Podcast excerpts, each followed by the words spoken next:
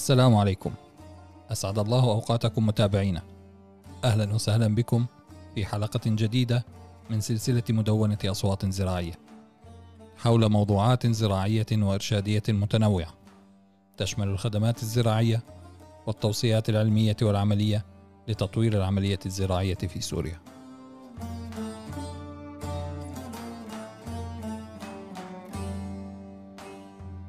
أصوات زراعية معكم ولخدمتكم أينما كنتم وفي كل وقت.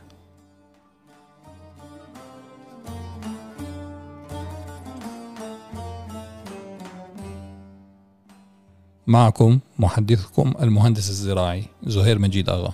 حلقة اليوم برعاية فريق الخبرات الأكاديمية للتنمية المستدامة.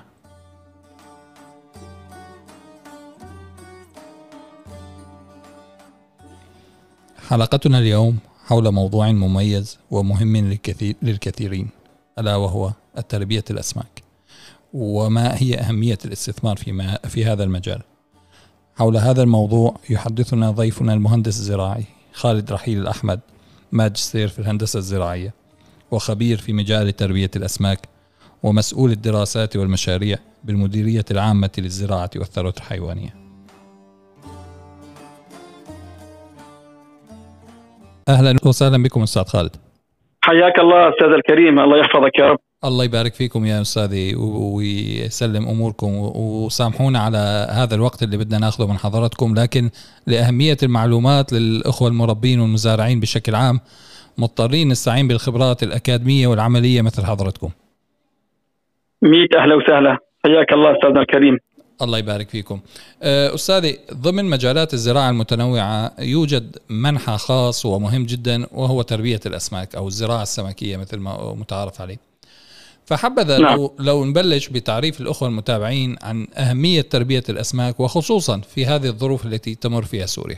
أه، تنبع أهمية تربية الأسماك في هذه المنطقة وخاصة ضمن الظروف الراهنة يعتبر من الخطوات الهامة جدا لكون هذه هذه الزراعة آه، تعتبر مصدر لتأمين مادة اللحم من الأسماك علاوة عن ذلك أيضا لتأمين مصدر آه، مادي جيد وأيضا يعتبر آه، هواية ومن الهوايات الرائعة في تربية الأسماك.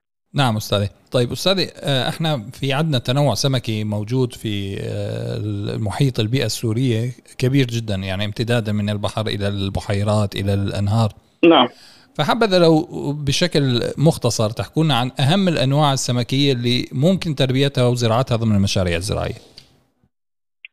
نعم يا أستاذ الكريم يعتبر أهم الأنواع التي تزرع وخاصة في هذه المنطقة وأيضا مرغوب لدى المستهلكين هو سمك الكرب ويأتي بالدرجة الثانية هو سمك السلور وأيضا المشط وأيضا الفضي.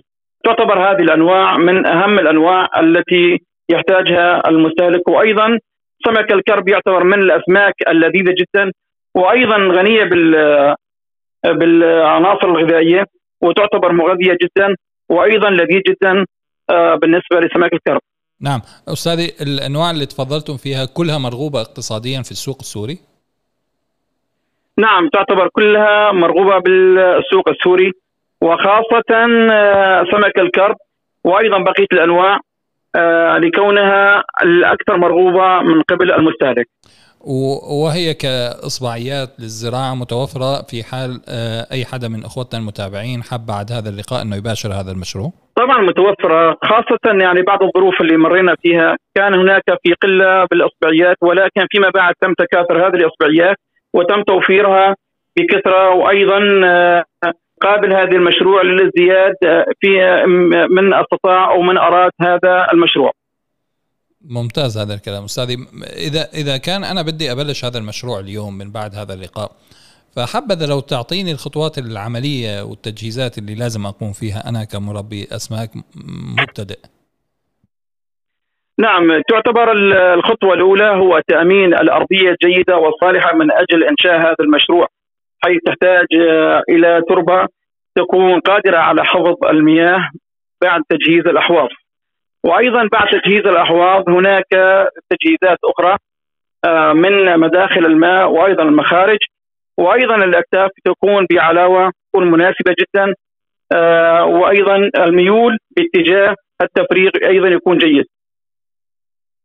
فيما بعد يتم ضخ المياه إلى الحوض بعد كل هذه التجهيزات بعد توفر مضخة أو مصدر مائي دائم والأهم هو توفير مصدر مائي دائم آه، ويكون على آه، مجرى نهر آه، حتى يتم تخفيف من نفقات المحروقات. بعدها يتم إضافة الإصبعيات إلى الأحواض حسب العمق وحسب التربية يتم إضافة العدد ضمن المتر المكعب الواحد من الماء. نعم. أستاذي عدد الإصبعيات مختلف ما بين نوع ونوع؟ بالنسبة طبعا أكيد. ذكرتوها. هذا يعني الشرح البسيط جدا هذا يحتاج هو إلى وقت ليتم شرح الآلية يتم فيها التربية. ولكن كأعداد يتم لكل نوع. على سبيل المثال سمك الكرب.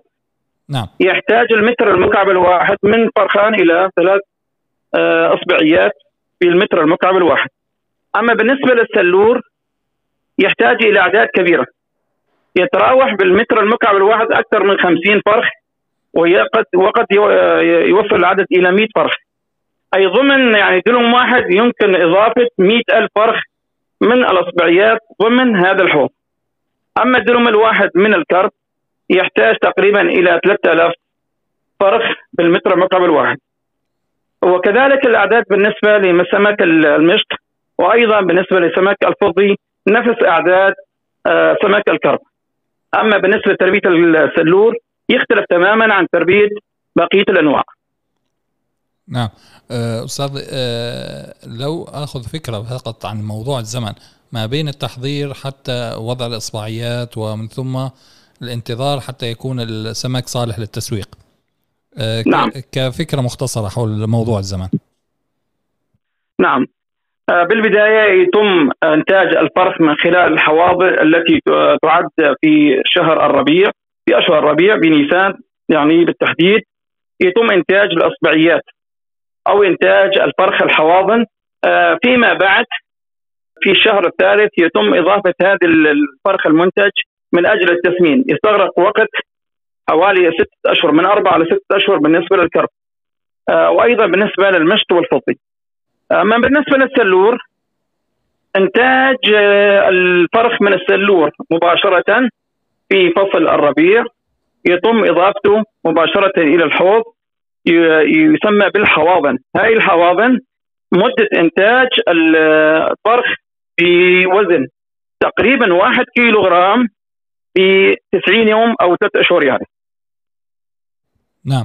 أه والله يعني الموضوع وفق الرؤية الأولى هو موضوع مجدي اقتصاديا. يعني عم نحكي على مشروع نعم. عمره أقل من سنة أنت عم تنتقل من مرحلة إصبعيات إلى مرحلة تسويق. أه أتصور الجدوى الاقتصادية تبعه حتى أفضل من المحاصيل الزراعية. طبعا أستاذ الكريم بالنسبة للجدوى الاقتصادية جدوى اقتصادية إذا كان هناك معرفة في عمليات التربية والتدقيق والمتابعة هناك أرباح جيدة أرباح جيدة. وهناك موضوع الأمراض أيضا سنتطرق إليه.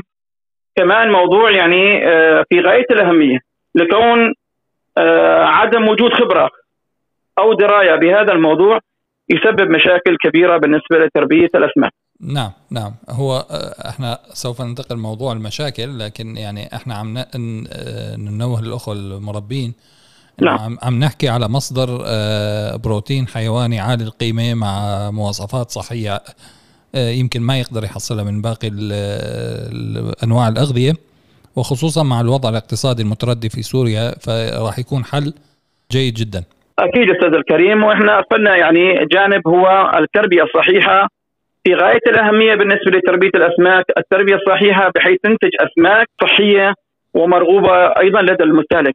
يعني هذا الجانب أيضا جانب في غاية الأهمية بالنسبة لتربية الأسماك. نعم. أستاذ خالد ننتقل مباشرة لأهم المشاكل. يعني طبيعا مع كل مشروع مع كل فكرة إنه يكون إلى جانب الأمور الإيجابية هناك مشاكل ومعوقات. فحبذا لو تحطنا في صورة هذه المشاكل والمعوقات. نعم أستاذ الكريم بالنسبة للمشاكل أهم المشاكل التي يعاني منها أو يعيق تربية الأسماك أو مشروع مثل هذا التربية هو الأرض.